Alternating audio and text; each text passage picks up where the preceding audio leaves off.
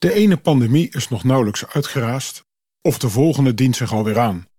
Oorlog. Deze keer niet veroorzaakt door een virus, maar door één Rus. Oekraïne weert zich kranig, terwijl het Westen angstvallig toekijkt. En hoewel iedere parallel met ons dagelijkse werk mank gaat, ga ik toch een poging doen.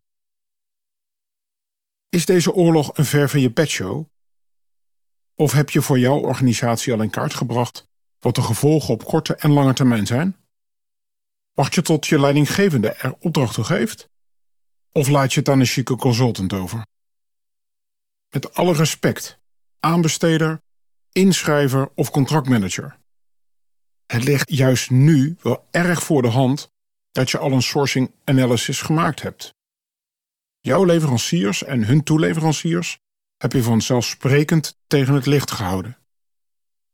Komen er producten of delen daarvan uit Oekraïne of Rusland? Worden er bedrijven in de ketens geraakt door de SWIFT-beslissingen? Of misschien door een van de andere sancties? Voor een goede professional moet het inmiddels een ABC'tje zijn om dat in kaart te brengen. Tel maar na. Eerst had je te maken met Brexit, die potentieel gevolgen had voor de goederen en diensten die je inkocht. Daarna heeft corona je heel duidelijk gemaakt dat toeleveringsketens flink verstoord kunnen raken. En als je dan nu nog loopt te wijfelen, dan is het echt three strikes out. Zet maar een kruisje bij ongeschikt. Een geluk bij een ongeluk voor aanbesteders is dat men doorgaans weinig te maken heeft met buitenlandse leveranciers. Het overgrote deel van de aanbestedingen wordt gegund aan Nederlandse leveranciers.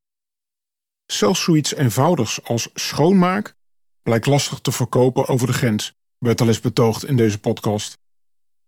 Eigenlijk is dat een enorm gemiste kans.